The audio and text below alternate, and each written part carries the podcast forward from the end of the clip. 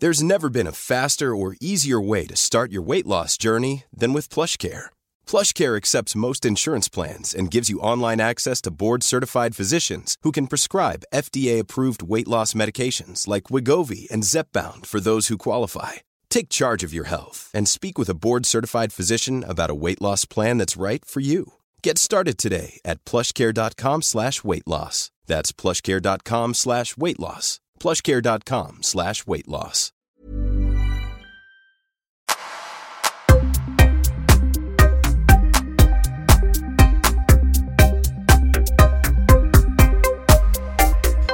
Emil Johansson, välkommen till Öppet sinne. Tack, tack. Du, det här har ju varit en, en eh, liksom, lång process att få till det här för att du tillhör skaran folk som kollade på mig när jag satt på Facebook livestreamar och via Plays vägnar för att snacka MMA. Det började hetsas från er tittare och lyssnare om att jag skulle göra podd. Jag sa att jag kommer inte göra en MMA-podd, jag kommer göra en intervjupodd. Helt plötsligt så dyker upp ett eh, DM på Facebook via Play-sida där du ville rekommendera två gäster varav den ena har redan varit här, Igor Ardoris var här Ja. för länge sedan och sen, eh, sen dig själv.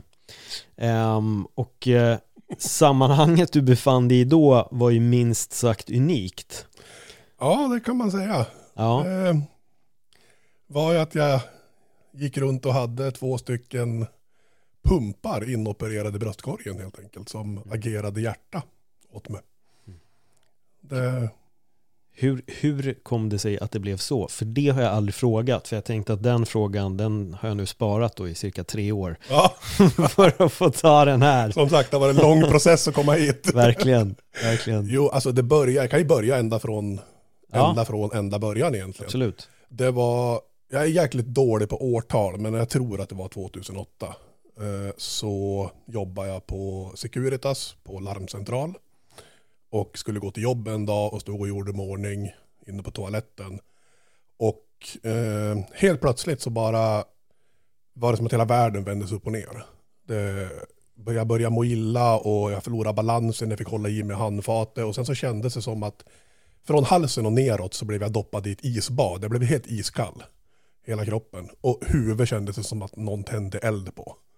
Så otroligt obehaglig upplevelse kan jag säga. Uh, och sen så minns jag inte riktigt om jag, jag tror inte att jag svimmar, men alltså jag, jag kommer liksom till sans, då ligger jag på golvet utanför toaletten och min fru kom, Jenny, uh, står över mig och är förskräckt och undrar vad som har hänt liksom. Uh, men då helt plötsligt så bara mådde jag bra igen. Det var liksom, allting var återställt till normalt. Och, men jag förstod ju att någonting är, någonting är fel. Mm så vi bodde ganska nära vårdcentralen i, då bodde jag i Hägersten faktiskt. Eh, så eh, jag gick, vi gick till vårdcentralen helt enkelt. För jag kände att ja, men allting känns, allt känns okej igen. Liksom, jag är helt normal. Men någonting måste ju vara knepigt. Så jag knatade dit och de gjorde ett EKG och blev förskräckta när de gjorde EKG och tillkallade ambulans som körde in mig till eh, Huddinge sjukhus då. Eh, och då visade det sig att jag hade fått hjärtflimmer som det kallas. Eh, vilket jag är ingen läkare så jag får väl förklara efter vad bäst jag kan förklara då så att säga. Eh, det är att hjärtat pumpar inte som det ska liksom, utan det mer står och skakar. Så att det skickar ut blod men det skickar ut, liksom, det kommer inte i den här rytmiska pulsandet och det blir för svagt och det liksom, man får inte det flöde man ska ha, det är, liksom, det är inte bra helt enkelt. Mm. Eh, och då bestämde de sig för att jag skulle få göra någonting som kallas för en elkonvertering eh, dagen efter. Så då fick jag åka hem och fundera på, på livet och det var ju en det, var, ja, det, var en, det var en jobbig upplevelse att få veta att jag hade liksom, för det jag visste då det var att det var någonting fel på hjärtat men jag visste ju inte hur allvarligt det var liksom. Eh, vilka tankar for genom huvudet på det? Eh, jag började tänka på min mamma bland annat. För jag vet att hon pratar inte speciellt mycket om det. Men jag vet att hon hade något form av hjärtfel. Hon är död idag. Uh, inte på grund av hjärtat. Men, Uh, och, så att jag började fundera på det. Och jag vet att min syster hade också problem med hjärtat. Så jag ringde faktiskt henne. Och frågade henne vad hon hade för fel på sitt hjärta och vilka problem hon hade och fick, liksom, fick lite information från henne då. Eh, men det var ju, där och då så var det mest, mest osäkerhet jag kände mig. Jag, var, jag kände mig, jag, var, det blev, jag blev ju stressad och osäker och jag var inte riktigt rädd än för jag visste liksom inte riktigt vad, vilken grad är det här? Är det här någonting jätteallvarligt eller är det bara liksom en temporär hiccup och sen så går man vidare liksom. Eh, Eh, Men jag sov ju inte något vidare bra den natten, det kan jag ju inte säga. det kan jag tänka mig. Jag fick ju veta vad en elkonvertering var också, det av min syrra, för hon hade gjort flera stycken, så hon tyckte det var helt odramatiskt. Jag blev livrädd när, jag, när hon förklarade vad det var. Det de gör med en elkonvertering, det är att för att återställa så att hjärtat börjar slå riktigt igen. Så du har sett de här Ja, kochong, eh, som man väcker livet döda på film. Eh, de gör ju det på en helt enkelt. Åh jävlar. kortfattat. Man blir nedsövd och så antingen har de två sådana här paddlar som de skjuter med eller så klistrar de på klisterlappar Mm. och ger ström liksom. Och det var ju så här, de ska göra vad då? Fan, är, är, ni, inte- är ni inte klok liksom? Men syrran var bara, nej jag har gjort det tio gånger, det är ingen fara. Så jag bara, okej. jag var inte fullt så kaxig just då kan jag säga. Det var... Nej. Men i alla fall så åkte jag ju in dagen efter och gjorde en sån här elkonvertering. Och det, alltså, jag vet ju ingenting, jag blev ju bara nedsövd och sen så vaknade jag och så var det bra. Liksom, förutom att jag hade brännmärken på kroppen efter de här Just paddlarna, liksom, strömmen. Men sen då så blev det ju en massa undersökningar och grejer. Och då visade det sig att jag hade två stycken medfödda hjärtfel. Som de Mhm. konstaterade. Va, vad var det för hjärtfel som du hade? Jag kommer inte exakt ihåg vad de heter, men kontentan är att dels att hjärtat är för stelt så det slår inte som det ska. Liksom. Det har inte den flexibiliteten som det ska ha. Och sen det andra var gjorde att, och det var väl egentligen det som är det stora problemet, för det var ett progressivt fel som hela tiden blev värre och det är att eh, hjärtmuskeln bryts ner. Eh, Och, som, och det går liksom inte att stoppa den nedbrytningen. Ja.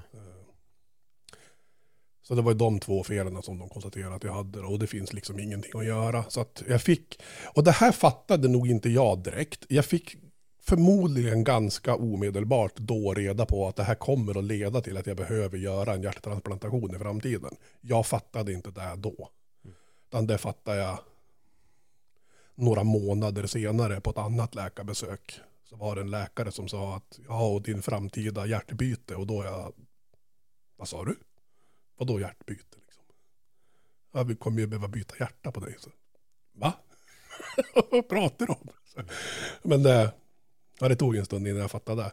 Det jag fick veta ganska tidigt då, det var, och det var också en sån här väldigt konstig upplevelse. Det var att jag sitter med en läkare som säger att ja, du har ju 85% nedsatt hjärtfunktion. Och jag Shit. kommer ihåg, jag bara, liksom, jag kunde inte computa vad hon sa för någonting. Så jag sa det till henne, "Men vänta vad sa du nu? Sa du att jag har, alltså jag har 85% i hjärtfunktion, det är 15% nedsatt? Nej, sa hon, nej, nej, nej, nej, du har 15 kvar, det är 85 som är borta. Jaha, det här är inte bra, Nej. det är inte alls bra.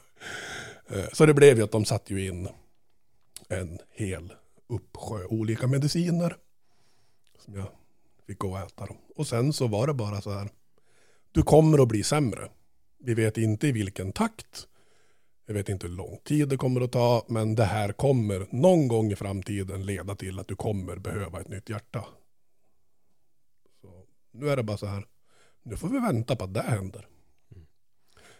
Alltså vad, vad, vad kunde du göra under den här tiden? Vilken effekt gav de här medicinerna och så vidare? Det medicinerna gjorde det var ju att eh, man kunde stabilisera upp så jag inte hade hjärtflimmer hela tiden. Eh, så jag hade hjärtflimmer som kom och gick under hela den här väntetiden. Då. Att ibland hade jag hjärtflimmer, ibland hade jag det inte. Eh, och när, jag har, när man har hjärtflimmer då, alltså det, ja, det, noll kondition, noll uthållighet. Eh, det, när det var som sämst så kunde jag ju liksom inte gå mer än 10 meter utan att vara helt slut. Liksom. Men det de här medicinerna gjorde första tiden, det var ju att jag, alltså, jag fick tillbaks en viss hjärtfunktion tack vare att jag inte hade flimmer och de satte in blodförtunnande som gör att liksom blodet pumpas runt lättare och sådana här grejer. Och så jag var väl uppe i kanske typ 40 procent i hjärtfunktion eh, under en ganska lång tid. Och då är man i det här, och det var det här stadiet som jag kommer att befinna mig i väldigt länge. Det är att du är för sjuk för att funka Du kan liksom inte funka och leva ett normalt liv, men du är för frisk för att få ett nytt hjärta. Mm. Så det blir liksom ett limbo där. Och där blev jag hängandes i tio år, tyvärr. Oj, det var så länge. Det var så länge. Och det var ju inte riktigt vad jag hade tänkt där i, i början. Jag trodde ju nog, jag, jag hade ju en tanke om att det här kommer ju liksom, jag kommer bli sämre och sen så får vi liksom fixa till det här. Ja. Men tiden bara gick liksom. Hur dålig, ble, alltså hur låg procent på hjärtat hade du som sämst? Eh, Jag vet inte vad jag hade som sämst, men det jag vet det var att när de bestämde sig för att jag skulle göra, att nu är det läge att liksom göra en transplantation.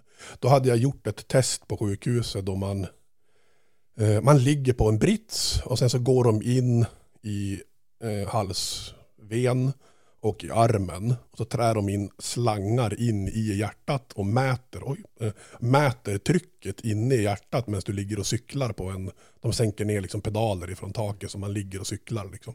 Och så mäter de trycket in i hjärtat. Eh, ja, det, är- ja, det är så många sådana här upplevelser, det kommer komma mer. Men, eh, och den mätningen då, det var den sämsta de hade sett på Huddinge sjukhus.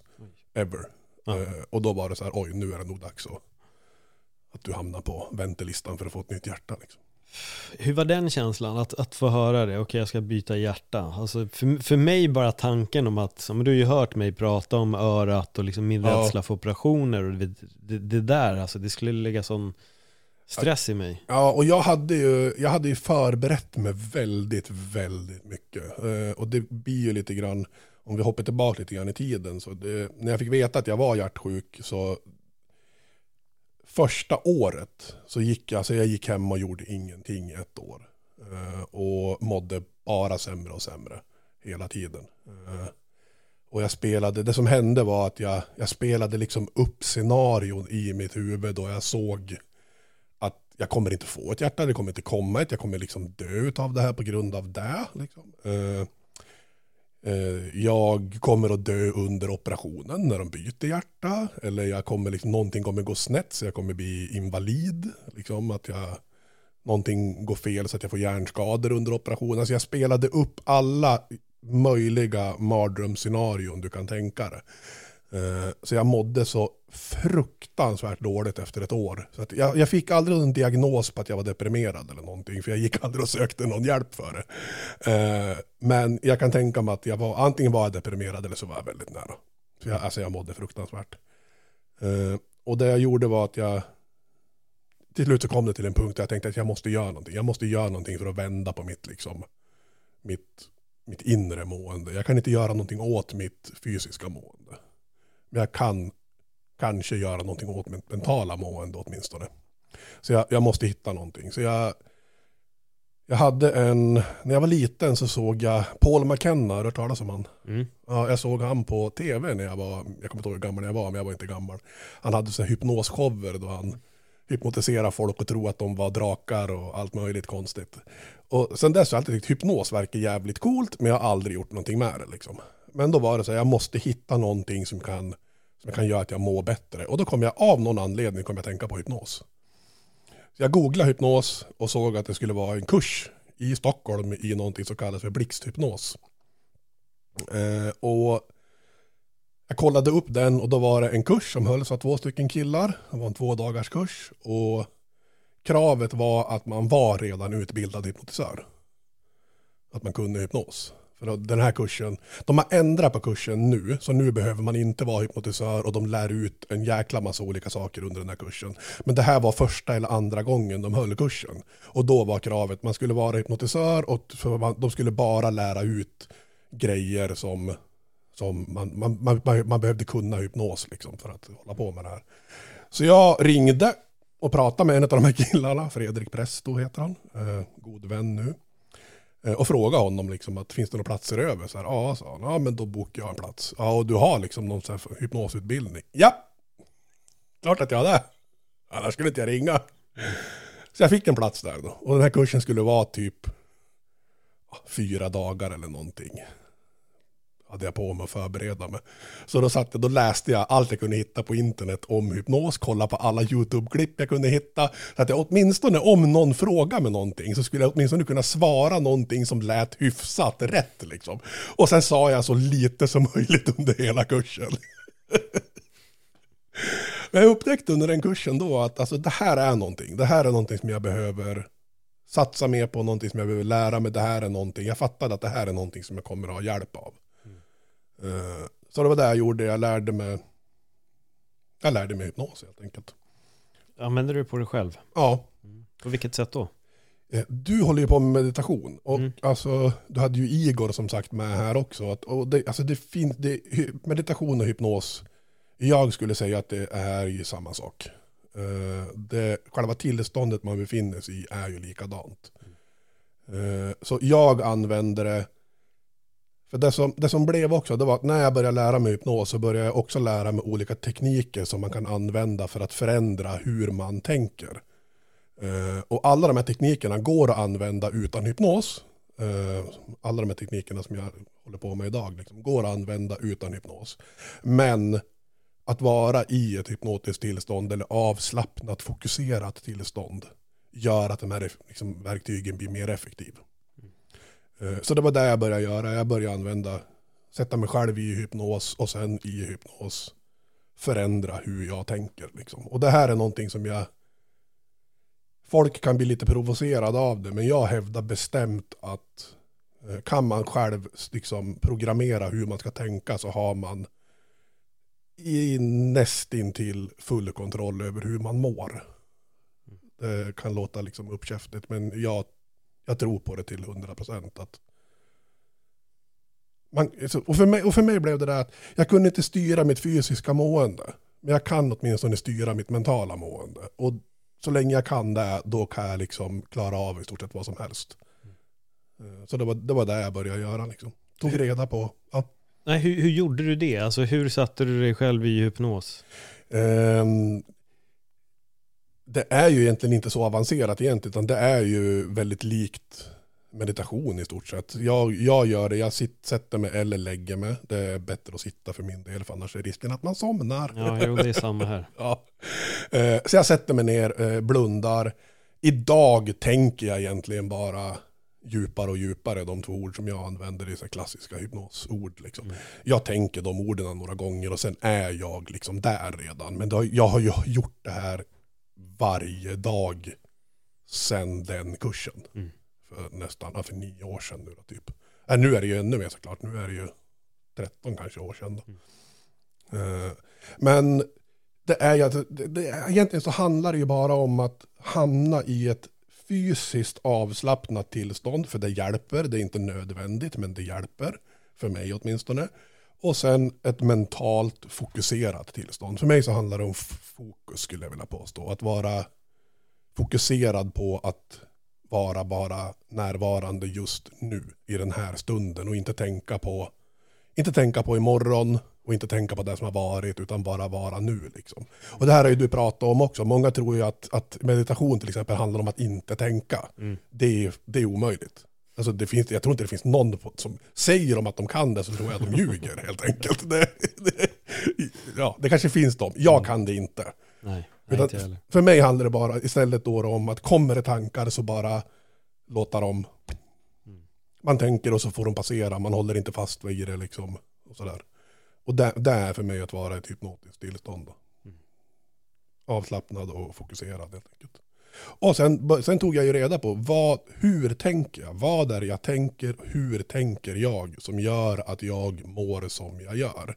Och då har jag ju sagt, i mitt fall så var det att jag spelade upp scenarion. Jag såg filmer i mitt huvud då jag låg på operationsbordet. Någonting gick fel. De i salen får panik och jag dör. Liksom, jag såg de här filmerna framför mig. Eller någonting går fel, jag får någon form av hjärnskador och sen så såg jag mig själv ligga i koma för resten av livet. Liksom. Eh, så för mig var det visuellt filmer som spelades upp med skräckscenarion. Väldigt mycket av det i alla fall var det. Hur, hur lång tid tog det innan det där började skifta? Det gick ganska fort ändå med väldigt mycket av de här grejerna. Så jag, några månader skulle jag påstå att jag liksom höll på med det dagligen innan det liksom började släppa. Och, och när det väl släppte och försvann liksom rädslan inför operationer och rädslan inför hur det skulle bli, alla de här grejerna. Sen dess, alltså jag har mått, det har varit stunder som har varit fysiskt fruktansvärda och jag kommer nämna några av dem också under tiden här. Men, men hur jävligt det än har varit rent fysiskt med saker och ting som har hänt och upplevelser som har varit knäppa så har jag ändå mått bra hela vägen. Liksom. Jag har inte inte varit deprimerad, inte varit skräckslagen, inte haft panik. Jag har varit, liksom, visst har jag känt rädsla, visst har jag varit orolig. Det är inte där det handlar om att inte känna, för det är liksom inte heller, det funkar inte heller. Eh, men att bara acceptera att så här är läget nu och så vad kan jag göra liksom. Det är så det har varit för mig. Vad skulle du säga har varit den värsta upplevelsen? Rent fysiskt? Ja. ja. jag har ju några som är så här som är svår att förklara. Den ena den kom ganska tidigt, då fick jag en blodpropp i knä. Uh, det är inte skönt. Uh, upp till den stunden så var det den värsta smärta jag upplevt i hela mitt liv. Uh, det gjorde väldigt ont. Tack och lov så släppte den och jag fick inga skador av det eller någonting så det var helt lugnt. Men sen hade jag ju några när jag låg på sjukhus. Då. Den ena det var efter att jag hade opererat in de här pumparna i bröstet så Um, det grejen är att de här pumparna, det är, det är ganska vanligt, inte ganska vanligt. Um, när man opererar in pumpar så brukar de operera in en pump på vänster sida. De här heter Elvad, de här pumparna som står för Left Ventricular Assist Device eller något sånt där. Så, den tar över liksom, man sätter in den på vänster sida och man sätter den alltså rent fysiskt fast på hjärtat. På vänster sida av hjärtat och så gör man, de gör hål och grejer i hjärtat. Och sen tar den där över liksom vänster sida av hjärtats funktion, vilket är att skicka ut blod i kroppen. Eh, och det är de här skap, det de skapade för de här. Eh, men det funkar inte på mig, för de satte in den på vänster sida och allting såg bra ut, men då kollapsade höger sida. Hö, höger sida var också så dålig. Eh, så då vill de sätta in den på höger sida. Grejen är att människan är inte skapt för att ha pumpar inopererade bröstet. Det är så här miss i evolutionen skulle jag vilja påstå. men, eh, det är gjort så att på vänster sida så finns det liksom plats för en pump. Det gör det inte på höger sida. Eh, så ja, eh, de satte in den här på höger sida också. Då. Och första gången som jag stod upp efter det och sen la mig ner, jag tror att det var första gången, det är lite luddigt. Eh, men då vet jag inte vad det var som hände, men då när jag kom ner, la mig ner så jag fick hjälp att lägga mig ner. När jag la mig ner i sängen så var det som att en sol exploderade i magen på mig. Mm. och vad det var, det har jag ingen aning om. Men det var upp till då, tyvärr skulle det bli värre, men upp till då så var det det var fruktansvärt. Alltså jag, jag försökte prata, jag öppnade munnen och det kom bara ljud ut. Som jag inte liksom styrde över för det gjorde så fruktansvärt ont. Uh, och sen så gick det, jag fick ju smärtstillande så det släppte. Men det vet, jag vet inte än idag vad det var för någonting. Liksom. Uh, sen var det ju där också då, i och med att de satte in den här pumpen på höger sida så behövde de alltså, de behövde flytta på grejer för att få in pumpen. Jag vet inte, det här har eh, kirurgen berättat för mig och jag vet inte om det är sant. Men när de skulle sätta ihop mig, för de har ju klyft liksom hela, jag är ju liksom delad. Eh, så. Eh, när de skulle sätta ihop mig så fick de inte ihop för de, de hade stoppat in så mycket grejer att de kunde liksom inte få ihop bröstkorgen på mig. Fan. Ja, det är helt sjukt. Men då fick de göra mer plats. Eh, och förmodligen när de gjorde mer plats så skadade de eh, en lunga. Eh, så att när jag var, när jag väl kom upp och skulle börja gå så var det så att jag jag kunde gå en viss sträcka och jag har blivit väldigt bra på att hantera smärta. Jag, liksom, när, jag, när jag skulle gå och träna så det jag gjorde var att jag då gör jag just den här grejen. Eh, jag försätter mig i det här hypnotiska tillståndet gjorde jag och sen bara gick jag. Och då spelade det ingen roll, alltså då kände jag inte riktigt smärtan utan jag kunde liksom gå och gå och gå liksom till en viss punkt och då hände, det som hände var, var att all den här smärtan kom igen. Och liksom all smärta kom i en enda smäll. Så varenda gång så blev jag bara paralyserad stående i korridoren och bara så här, jag kan inte röra mig. kan inte ta ett steg till nu. Eh, så då fick de ge mig morfinspruta så jag fick liksom ta mig tillbaka till sängen. Men då, alltså det som hände var att den här, antingen så var det en pump som låg och skavde eller så hade jag fått någon skada på en lunga för det gjorde hysteriskt ont bak i ryggen. Liksom. Värkte. Eh, väldigt, väldigt mycket. Så det, det var liksom en upptrappning. Den här eh, knät var det värsta jag varit med om. Sen den här eh, solen som exploderade i magen var det värsta jag varit med om. Och sen den här pumpen eller lungan som var skadad var det värsta jag varit med om. och sen så gör vi ett längre hopp. För då var det efter att jag gick igenom hela transplantationen. Så tror man att jag fick biverkningar av en medicin. Eh, och det det började med att jag faktiskt, jag vaknade en natt av att jag hörde någon som skrek något så hysteriskt. Jag låg ju på intensiven nere i Lund och jag hörde någon som bara vrålade uppenbart av smärta. Och det tog, det tog liksom en sekund och sen insåg jag att det var jag som skrek. det var... Det här, det, här är, det här är faktiskt fortfarande fysiskt nästan svårt att prata om för det gör ont i kroppen fortfarande när jag tänker på det. Eh, det finns en biverkning från en av medicinerna som jag åt som var extremt ovanlig och det är den de tror hände. Det är att man får ont i armarna eller i benen. Eh, och exakt vad det är som händer vet man inte. Men det här har rapporterats sällsynt av en viss medicin. Då. Och det är svårt att beskriva den smärtan. Men det, som, det var som att någonting inuti kroppen svällde och vela ut och kunde inte komma ut. Och det var i armarna. Och det, det gjorde så fruktansvärt ont. Alltså så att det går inte med ord beskriva det här. Alltså, jag kunde bara skrika hysteriskt. Och det som hände också var att jag, i och med att det gjorde så jäkla ont, så spände jag mig. Och jag spände liksom hela kroppen, varenda muskel i hela kroppen. Så till slut så började det liksom verka i varenda, tänk att du får liksom sendrag i varenda muskel i hela kroppen. Eh, och det gjorde ju inte saken bättre. Eh, och då fick man ju morfin då såklart, så gav de morfin. Och då släppte själva liksom den där muskelsmärtan som kom av att jag spände mig, den kunde man ju ta bort med morfin, för då blev jag ju avslappnad. Men den där smärtan i armarna, den gick inte att få bort. Det var någon typ av nervsmärta som inte gick att göra någonting åt. Och det här kom nästan på, man kunde nästan ställa en klocka på det, att det kom varannan timme två timmar mellan varje sånt där anfall.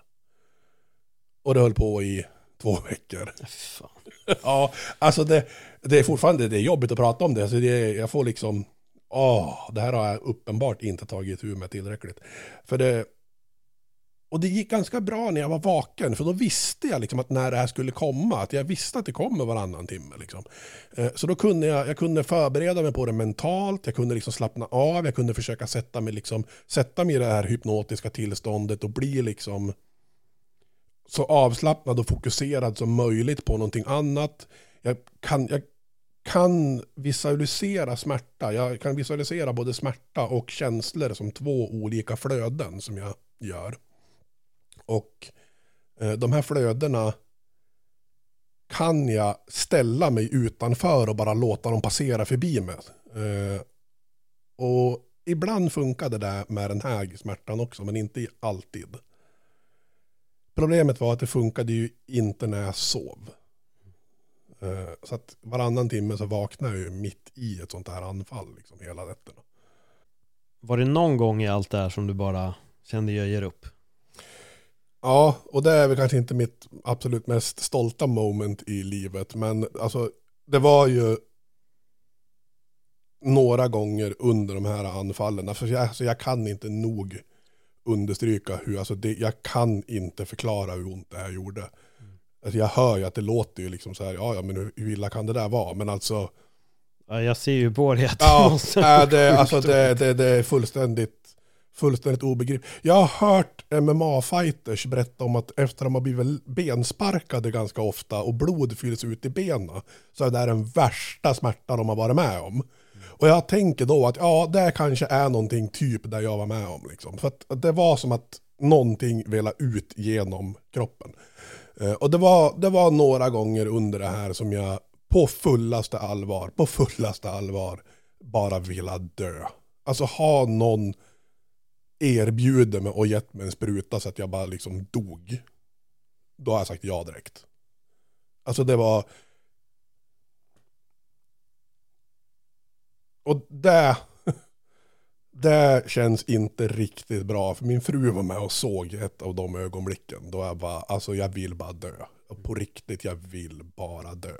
Och det är så här, mm, det skaver. Att, att hon skulle vara med och uppleva den grejen. Liksom. Fast det är väl inte så konstigt? Alltså egentligen, jag tänker det är, det är inte så konstigt. Jag har legat med influensa en gång och hade sjukt ont och kände det här, kanske inte så långt, men min tanke slog mig att jag bara skulle uppleva det här i hela mitt liv så hade jag inte orkat. Nej. Alltså så, så tänkte jag, och jag fattade ju att det går över. Ja. Men, men jag vet att i den stunden så tänkte jag bara, skulle jag leva med det här, Mm. hade jag aldrig pallat. Så att jag förstår ju, och jag Ja. tänkte, det, det, för mig känns det ganska självklart, någonstans måste jag den här tanken ha kommit. För den hade landat hos mig, det är bara därför. Ja.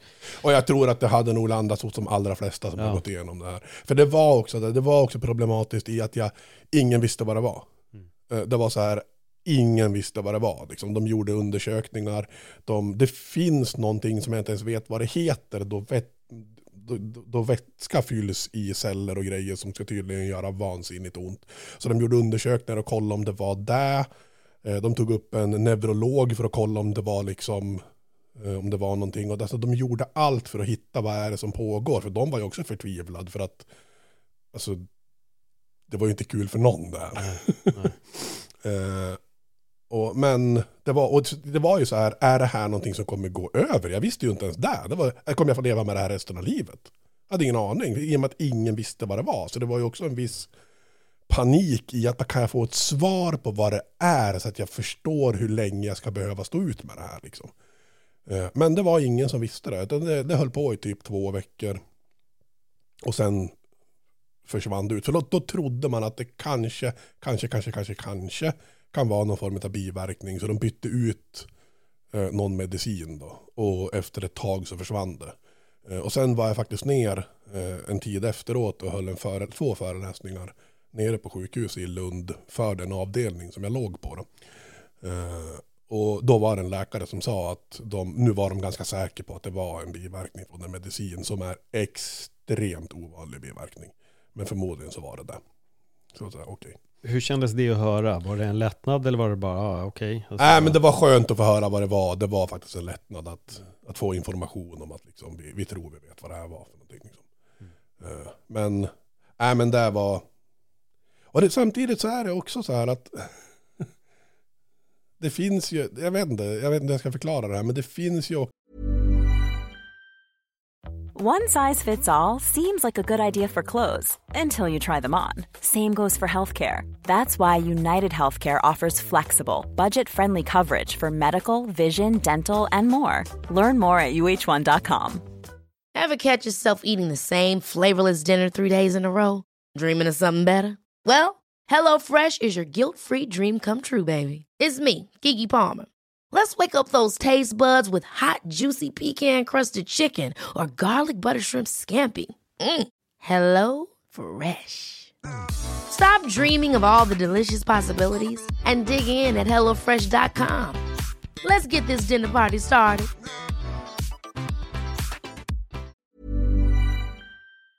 också en form av jag har, ungefär, jag har ett kvitto på hur mycket smärta jag kan ta innan mitt psyke brister. Och det är inte alla som har det.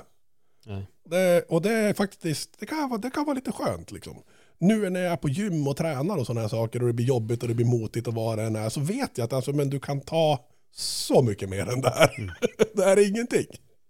Så att det, det, är, ja, det är väl det som är kanske fördelen som jag har med mig att man kan ta hemskt mycket innan man innan det går sönder. Mer än mig, en influensa. Ja, mer än en influensa. ja, bra.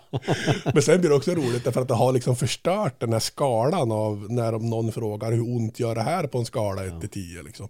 Jag vet inte, men det var ju, vad är det nu? Det är väl tre år sedan eller två år sedan eller någonting så gjorde jag en praktvurpa och fick en fraktur i, i höften och det är så att det gjorde jätteont, alltså det gjorde verkligen jätteont. Eh, samtidigt när de frågar hur ont gör det på en skala 1 till 10, eh, 4 liksom. Alltså, en, jag lovar, det gör jätte, jätte, jätte ont.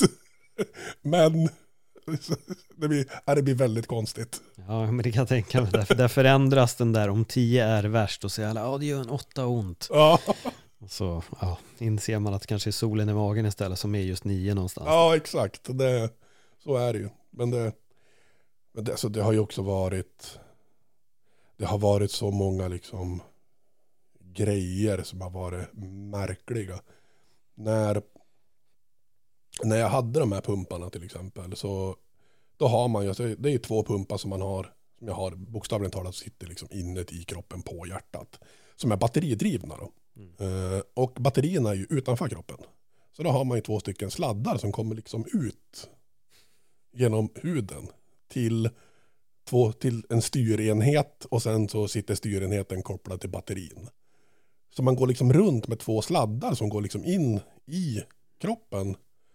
Och jag gick ju runt med det här. Jag vill inte gå in på exakt hur länge för att jag vill inte prata exakt när jag blev transplanterad, vilket datum. Eh, men jag gick ju med det här ett tag och det, alltså det är en väldigt märklig upplevelse att du har liksom ett hål i huden där det går in saker. Det var väldigt, väldigt speciellt. Och sen också på nätterna då. Som sagt, jag gick ju på batteri på dagarna. Och sen på nätterna så kopplade jag liksom upp mig i vägguttag. Vilket är helt sjukt. Ja. Att liksom, det var jag och min mobiltelefon liksom. Vi gick på batteri på dagarna och sen så var vi uppkopplade i väggen på, på över nätterna. Liksom. Hur, hur var det? Men det måste ju också som sätta mycket i hjärnverksamhet här. Ja, alltså det var, alltså det, det, på ett sätt så när man är där så är det liksom, ja det är så här det är på något sätt. Men samtidigt så är det ju extremt konstigt. Det är alltså det,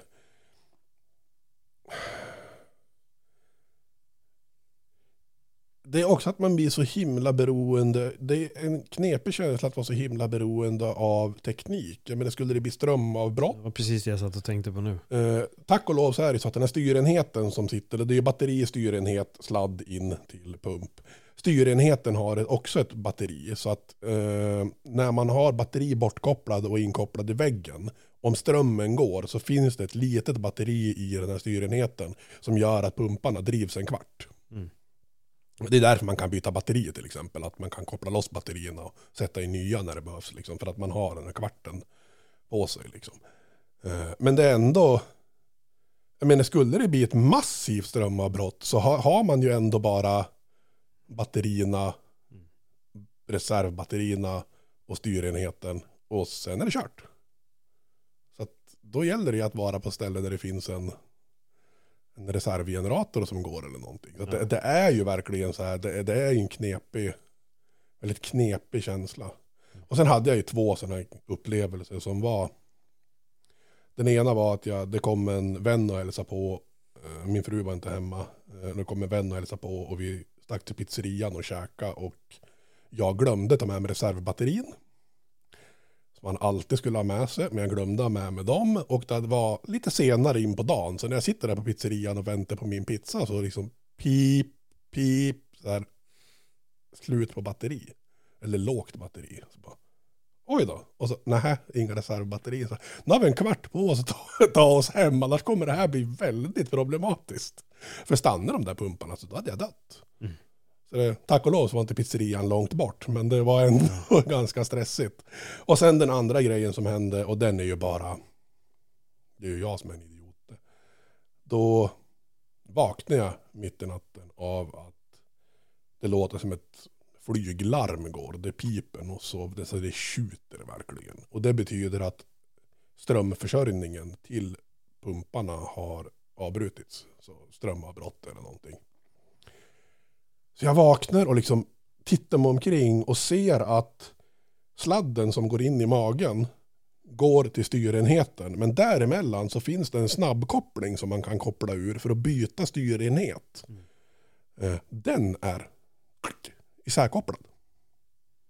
Så jag tar den och som kopplar ihop den. Så bara, Oj, det där var ju inte så bra. Jenny, min fru, blir jättearg såklart. För hon blev ju livrädd också. Så jag får ju världens utskällning av henne, fullt förståeligt. Men jag är bara så här, ja ja det där var ju lugnt. Så jag lägger mig och somnar om. Liksom. Dagen efter åker jag in till sjukhuset för en här rutinundersökning. Eh, och nämner det här att jag liksom, äh, vaknar natt av att larmet gick. För tydligen så hade jag kopplat ur den här grejen. Och sköterskan, killen som jobbade där, han bara stirrade på mig och var så här. Men då stannar ju pumpen. Och jag bara, vadå? Nej, nej, nej, nej men då är reservbatteri. Så här, liksom, det är lugnt. Nej, men vad fan. Nej, du kopplar ju bort hela styrenheten. Mm. Du hade ju inget batteri. Va? Vad säger Åh nej. Så då gick jag in i datorn och kollade och då hade ju alltså pumpen stått still i typ fem sekunder. Oj. Helt. Och det är alltså tio sekunder, kanske lite mer, sen har jag tuppat av. Och Ja. sen har jag dött. Om inte min fru då, som säkerligen hade kopplat tillbaka det. Men ändå, alltså det var ju bara så här. Åh.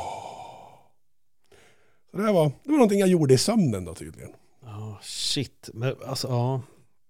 Det, Hur, hur var det när du väl då liksom skulle få det här nya hjärtat, vetskapen och det, vetskapen om att slippa alla de här grejerna också? Ja, det som hände var ju att jag, eh, jag var hemma och eh, varje morgon och varje kväll så kollar man på styrenheten för då såg man såg liksom blodflödet. Liksom, jag kommer inte ihåg siffrorna nu men jag tror mitt, den ena pumpen skulle pumpa 4,7 liter i minuten och den andra pumpen skulle pumpa någonting annat. Liksom. Och där kollar man varje morgon och kväll att de här siffrorna stämde för utifall att det blivit några ändringar så måste man höra av sig. Eh, och då var det en kväll jag skulle gå och lägga mig så hade den ena sjunkit, från, jag tror det var från 4,7 till 4,0. Jaha, det där var ju konstigt. Så jag ringde in till sjukhuset och sa att nu är det någonting som är skumt. Liksom. Så berättade jag vad det var och de sa att ah, okej, men du mår bra? Så här, ja, jag mår, det är ingen fara. Ja, men kom in imorgon så kollar vi på det här. Liksom. Visst. Jag la mig och sov och sen vaknade jag på morgonen. Eh, sätter mig upp och helt plötsligt så är det som att jag inte har några pumpar längre. Alltså jag är precis lika dålig som jag var innan de satte in pumparna. För när jag hade pumparna inne, då, alltså, då var det som att jag var frisk. Då kunde jag knata runt och allting var bra liksom. Men då var jag så här urdålig igen verkligen. Så jag tänkte vad är det nu då? Så att jag åker in till, eh, då är det pumpavdelningen, är inte på Huddinge utan det är på Solna på Nya Karolinska. Så jag åkte in dit och de tittade på och ser liksom att nej, men flödet har sjunkit men oklart varför. Så de röntgar och kollar att det, för det är, massa, det är inte bara en pump utan det är massa slangar och grejer också. Så de kollar, är det någon slang som har liksom vikt sig eller någonting? Så, men allting såg bra ut så att det, det är någonting som är konstigt. Uh, och nu, nu blir det lite lustigt. Nu blir det två olika berättelser som kommer gå. Eh, uh, du kommer märka. Men då bestämde de sig för att okej, okay, du måste åka ner till Lund eh, för att kolla på det här. Liksom. Eh, det är någonting som är fel med pumparna förmodligen. Eh, så jag hamnade på att få säga, vad heter det, ambulansflyg ner till Lund.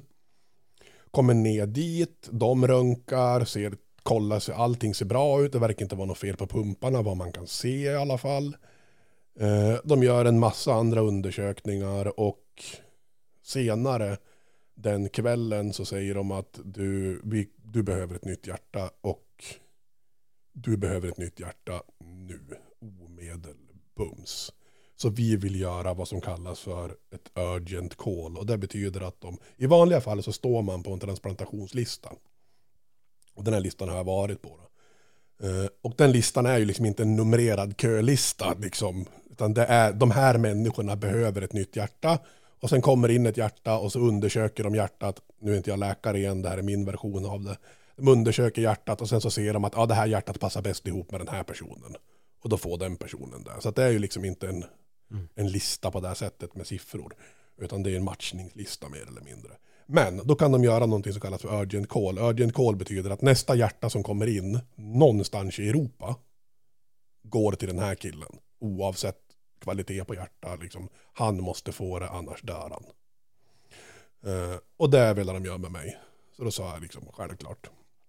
Och sen sa de också att vi håller på och kollar på, det verkar som att det funkar, det var studier som pågick då, att inte matcha blodgruppen. För det är någonting man har gjort med specif- Man slutar gjort det på en ganska många organ, men med hjärta så gjorde, gör man det kanske fortfarande, men man gjorde åtminstone då, det var studier som pågick, att de matchade blodgrupp. Men i mitt fall så sa de att är det okej att du tar vilken blodgrupp som helst? Bara, vad ska jag säga? Nej, jag vill dö liksom. Ja, men det är klart att det är okej. Okay. jag tar vad som helst. Eh, och sen då, då samma kväll så kom det ett hjärta. Mm, som jag fick inpluggat i mig. Det är som jag kommer ihåg det. Det är inte alls vad som hände. det är inte alls vad som hände. Eh, det som hände var att jag, som sagt, det, det stämmer fram till ambulansflyget ner till Lund. Mm. men jag var i Lund en vecka. Då de gjorde en massa undersökningar för att se vad som var fel med pumparna.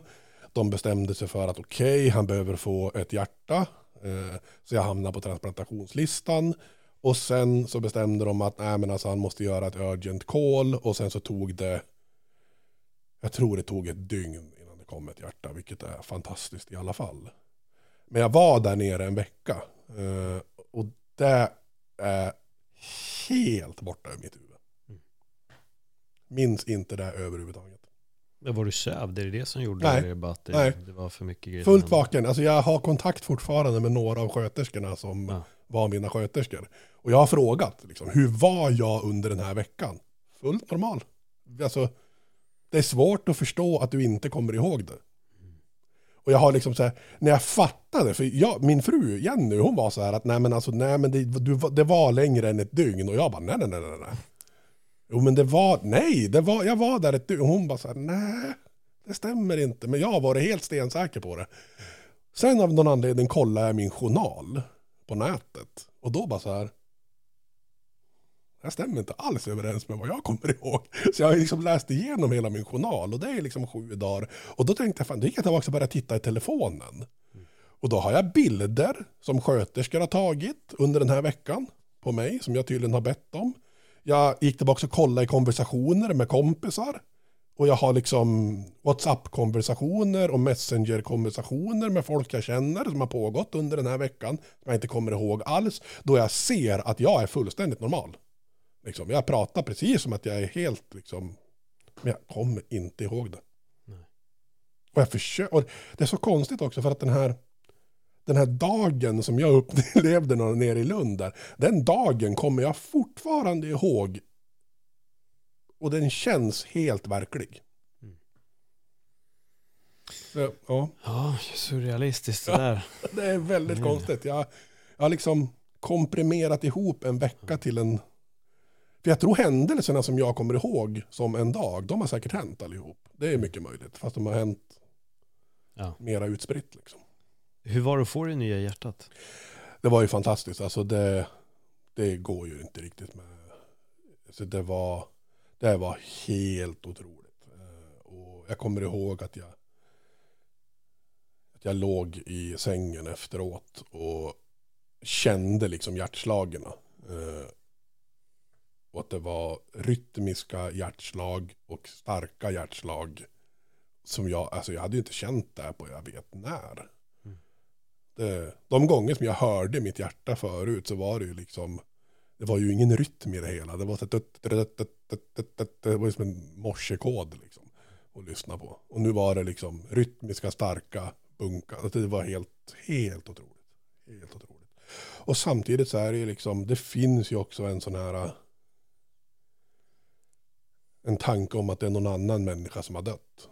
Ja, det, det jag satt och tänkte på också, för i din, i, din, i din vetskap så måste ju någon dö för att du ska få leva. Ja, och det är märkligt hur självisk man kan bli i... För det var så här, det, och det, det här låter ju, det kanske kan låta fruktansvärt. Men samtidigt så har det ju funnits, speciellt när jag var som allra sjukast och mot slutet, att liksom man går ju nästan och hoppas på att någon ska dö liksom. Och det, ja, det är alltså, på ett sätt så känns det inte okej och samtidigt på något vis så känns det nästan, ja men man vill ju leva. Det är ju så liksom. Så det, är det någon här som lyssnar på den här podden nu som inte har satt upp sig för att bli donator så tycker jag att man ska göra det. det skulle vara bra. Mm. Det saknas donatorer. Det, tyvärr så är det faktiskt så att det dör ju folk liksom årligen för att det saknas organ. Och det, det är ju verkligen hur tråkigt som helst. Hur ser du på livet idag?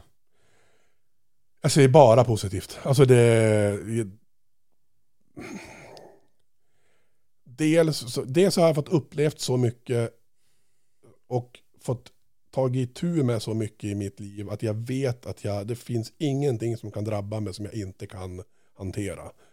Eh, jag har gått igenom sådana mentalt och fysiskt sinnessjuka grejer. Så det finns, jag vet att det finns, det, jag kan inte tänka mig någonting som liksom skulle kunna stoppa mig idag. Liksom, efter vad jag redan har gått igenom.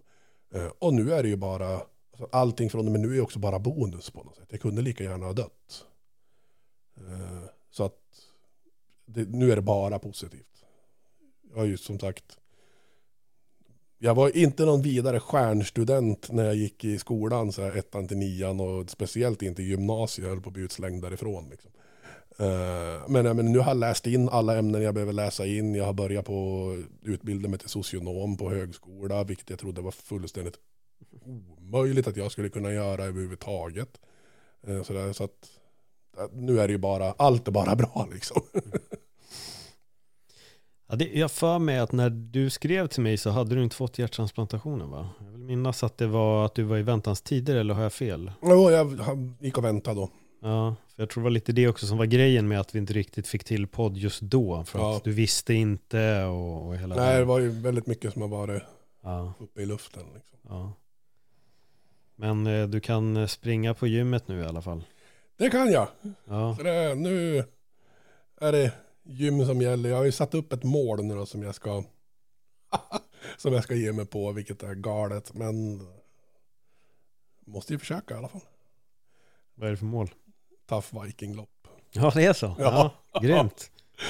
Eh, sen var det ju otur att det blev, jag åkte ju på covid och det var en massa fysiska problem här på vägen som har hänt. Att, men jag vet inte, man måste ju försöka. Mm. Det, så är det ju bara. Men det måste väl ändå vara en lättnad på något sätt att åka på covid och ha ett hjärta? Ja, det har jag också tänkt på att tänk om det här har varit innan. Då, är, då vet jag ju inte ens om jag har överlevt och haft covid. Då vet man ju inte vad som har hänt. Det, det, så är det ju. Ja. Det har varit lite, just den här covid-grejen har varit lite frustrerande för jag, jag låg ju i respirator. Respirator har ju varit en grej nu under covid-tider. Det har ju varit en hel del prat om det. Jag låg ju i respirator i när, efter att de satt in pumpen på vänster sida och höger sida kollapsade så låg jag i respirator i 11 dygn. Eh, Och det, det är ingen lek. Ligga i respirator är ingen lek. Det, hua. Fruktansvärt. Var du medveten? Nej, jag var ju nedsövd, men det hindrar ju inte att man har dels fruktansvärda drömmar. Mm. Eh, när man vaknar upp efter att ha legat så länge, alltså jag låg i 11 dygn, jag har ju hört om folk som har legat liksom i 20, 30, 40 dygn i covid i respirator. Jag låg i 11 dygn och min kropp var fullständigt trasig efteråt. Eh, Jag hade nästan inga muskler kvar. Eh, Och att komma ur en sån nedsövning var, alltså jag hade hallucinationer och paranoia och såg syner och ja, det, det är också en hel resa som är fullständigt, fullständigt knäpp. Mm. Eh, Och jag pratade med en kille som låg, som hade covid, som låg i respirator. Eh, Och jag berättade min historia eh, i ett sammanhang. Och han upplevde exakt, inte exakt samma saker, inte samma hallucinationer, men det var lika fruktansvärt. Mm. Så att det, ja, det där var, det var galet. Jag har, jag har ju en historia om hallucinationer där som jag kan dra som är lite rolig dock då. Eh, efter att jag hade vaknat till och var någorlunda vid mina sinnen, nej det var jag inte, jag var inte i mina sinnesfulla bruk, jag trodde att jag var i mina sinnesfulla bruk. Så ligger jag i sängen och eh, någon har gett mig en apelsin, jag har ingen aning om vem det är som har gett mig den apelsinen. Men, och någon har skalat den, för det kunde jag inte, för att alltså, jag var så trasig efter att ha legat i respirator. Så att jag, jag fick lära mig äta, jag fick lära mig gå, liksom, jag kunde ingenting. Det, ingenting funkar, man skakade som ett asplöv och det var liksom helt, helt fruktansvärt. Eh, men jag lyckades i alla fall på något vis få i mig en apelsinklyfta och den apelsinen var så jäkla god. Så att, alltså det, det går inte med ord beskriva. Det var den godaste apelsin som jag någonsin ätit. Alltså. Vi, jag tänker att så här, så här goda apelsiner finns inte i Sverige. Okej, okay vart fan är jag då då? Mm. Om jag inte är i Sverige, vart, vart är jag då? Och då av någon anledning så kom jag fram till att jag är Kuala Lumpur. Så bara, jaha, så här, Kuala Lumpur, det var ju spännande. Så tittade jag ut och jag låg i en säng och på den sidan så hade jag fönster och det här var sant, det hade jag. Så jag tittar ut och så ser jag fönster och utanför de här fönstren så är det en djungel. Jag ser den här djungeln på riktigt, den var helt äkta. Eh, jag vet inte ens om det finns djungel i Kuala Lumpur, liksom. men det, i, i mitt Kuala Lumpur så fanns det djungel. Så bara okej, och så tittade jag åt andra hållet och där var det ett annat fönster, men det var ett fönster som gick in till ett rum och inne i det här rummet satt ett där var de sköterskor som bevakade mig. Antingen så var, det- var de inne i det rummet eller så var de inne i mitt rum. Och det här var också sant. Eh, så jag var ju bevakad dygnen runt. Liksom. Men då står det en, det sitter en sköterska där och skriver vid en dator. Och så bakom henne står en sköterska och tittar över hennes axel. Och på den sköterskans axel sitter en apa. Alltså okej. Man skulle aldrig ta in apor på sjukhus i Sverige. Men det kanske man gör i Kuala Lumpur. De kanske har andra regler där. Okej, okay, Okej, spännande. Så tittar jag mig omkring och jag har ju en uppsjö av apparater runt omkring mig. Liksom. Alla de där apparaterna har någon form av display och på den displayen i mitt huvud då, så är det skärmsläckare med elefanter på. Det är så här. Det har man inte heller i Sverige. Så nu är jag helt, helt säker på att jag är i Kuala Lumpur. Så kommer in en sköterska och då frågar jag henne, vart är jag någonstans? Ja, i Lund. Och då tänker ju inte jag, jaha, det låter rimligt. Mm. När jag tänker, varför ljuger hon? fan ljuger hon för?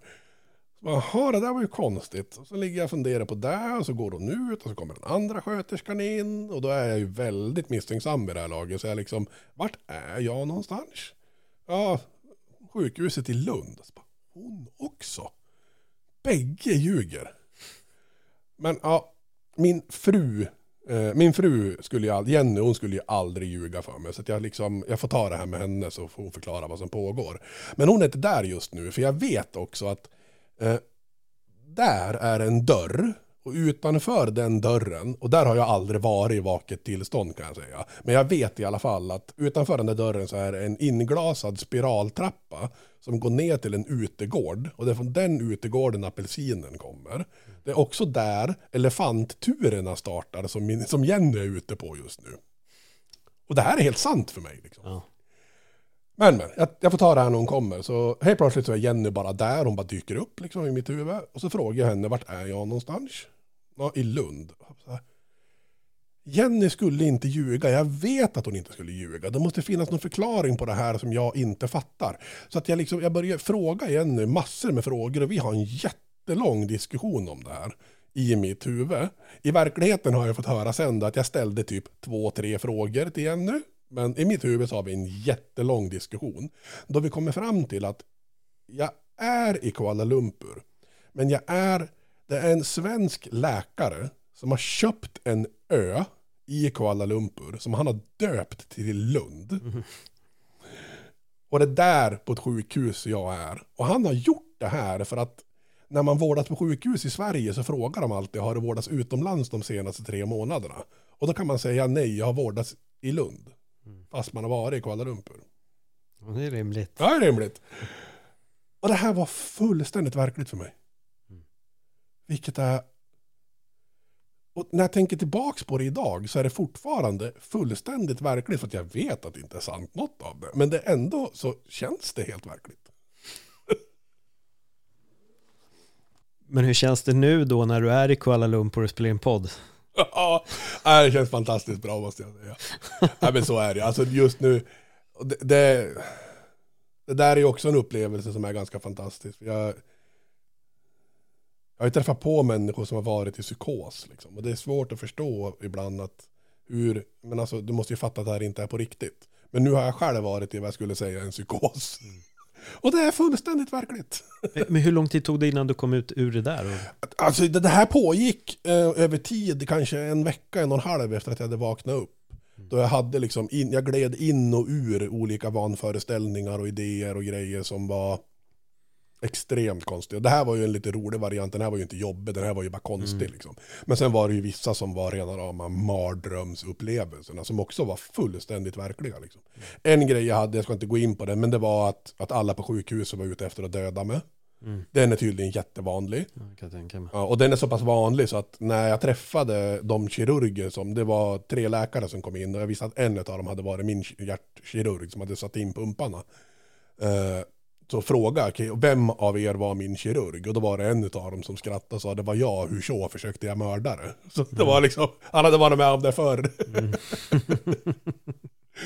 Men det pågick ungefär en vecka så att, eh, och sen så gick det över också.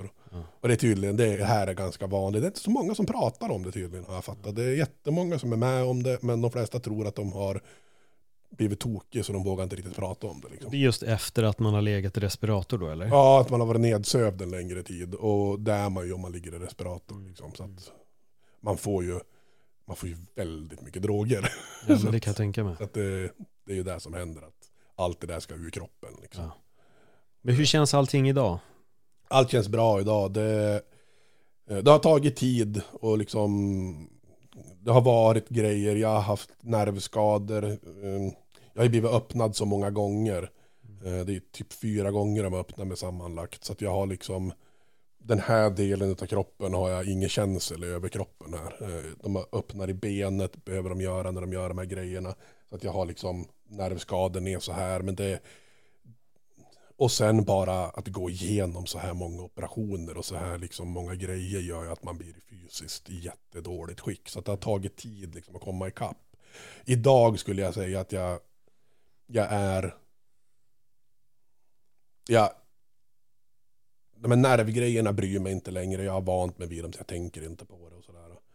Uh, och sen behöver jag ju liksom, jag behöver träna och få upp kondition och så. För det har varit en del, det har varit en del bakslag som, som inte har haft med det här att göra. Som sagt, jag ramlade och spräckte höften. Liksom. Jag åkte på covid. Det är liksom en massa orelaterade grejer som har hänt.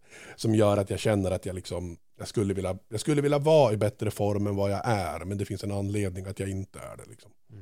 Men med hjärta och så, jag har inte haft något som helst problem överhuvudtaget. Jag, det är ju jättevanligt att man får någon form av avstötning.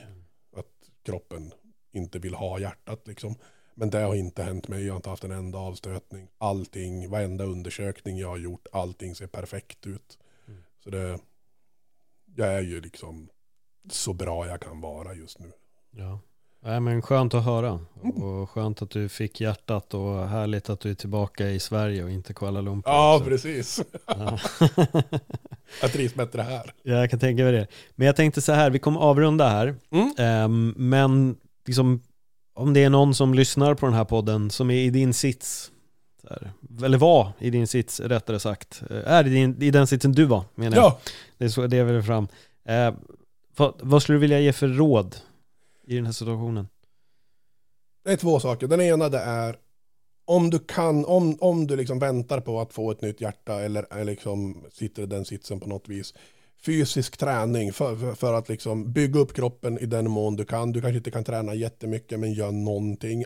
All fysisk träning du lägger innan operationerna kommer du vara tacksam för när du väl ska återhämta det. Mm. Eh, och sen, och det här kanske inte alla håller med om, men för mig så är det så att att vara sjuk och att må dåligt är två skilda saker. De är inte ihopkopplade överhuvudtaget i min värld. Man kan vara jätte, jätte, jättesjuk men ändå må bra. Och den delen, det, det handlar om att ta hand om det mentala. Liksom. Meditera, hitta det som yoga, whatever. Det som funkar för dig att liksom styra upp det mentala och få dig att liksom må bra mentalt. Gör det. För det, det är helt ovärderligt. Ja, det är bra visdomsord för att, för att avrunda. Eh, men jag får verkligen tacka för ett eh, intressant samtal och vilken jävla resa. Eh, du sätter ju perspektiv på smärtor och ens eh, problem man går igenom. Men eh, det var väldigt spännande att få dela det här med dig i öppet sinne. Efter nästan tre år Ja, precis. så fick vi till det. Så Det stort var- tack. Tack själv, det var jättekul att få vara med här. Jag har Ja. sett fram emot det verkligen. Så att, Ja, men tack så jättemycket. Eh, ifall man vill få tag på dig på något vänster, hur, hur hittar man dig då? Eh, jag har ju en hemsida. Eh, har jag. Eh, som är ja, hypnoskonsult.se.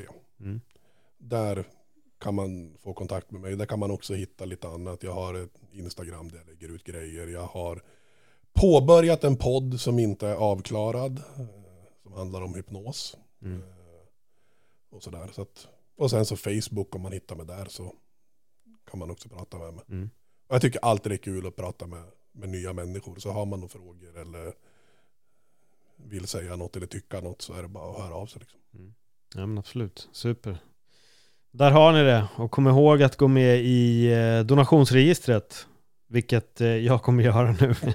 Nej men på riktigt, jag, jag- kommer verkligen göra det. Efter att ha lyssnat på det här så jag kommer verkligen göra det. Så eh, jag rekommenderar också att kolla upp det. Jag kommer länka i bion, så kolla upp och vem vet, eh, även fast man själv går bort kanske man kan ge ett hjärta till någon som behöver det. Med det sagt får jag säga, ja, ta hand om er där ute och om det börjar bli problem med hälsan så ja, se till att reda ut det snabbt och donera era hjärtan. Tack för den här gången. Hej då.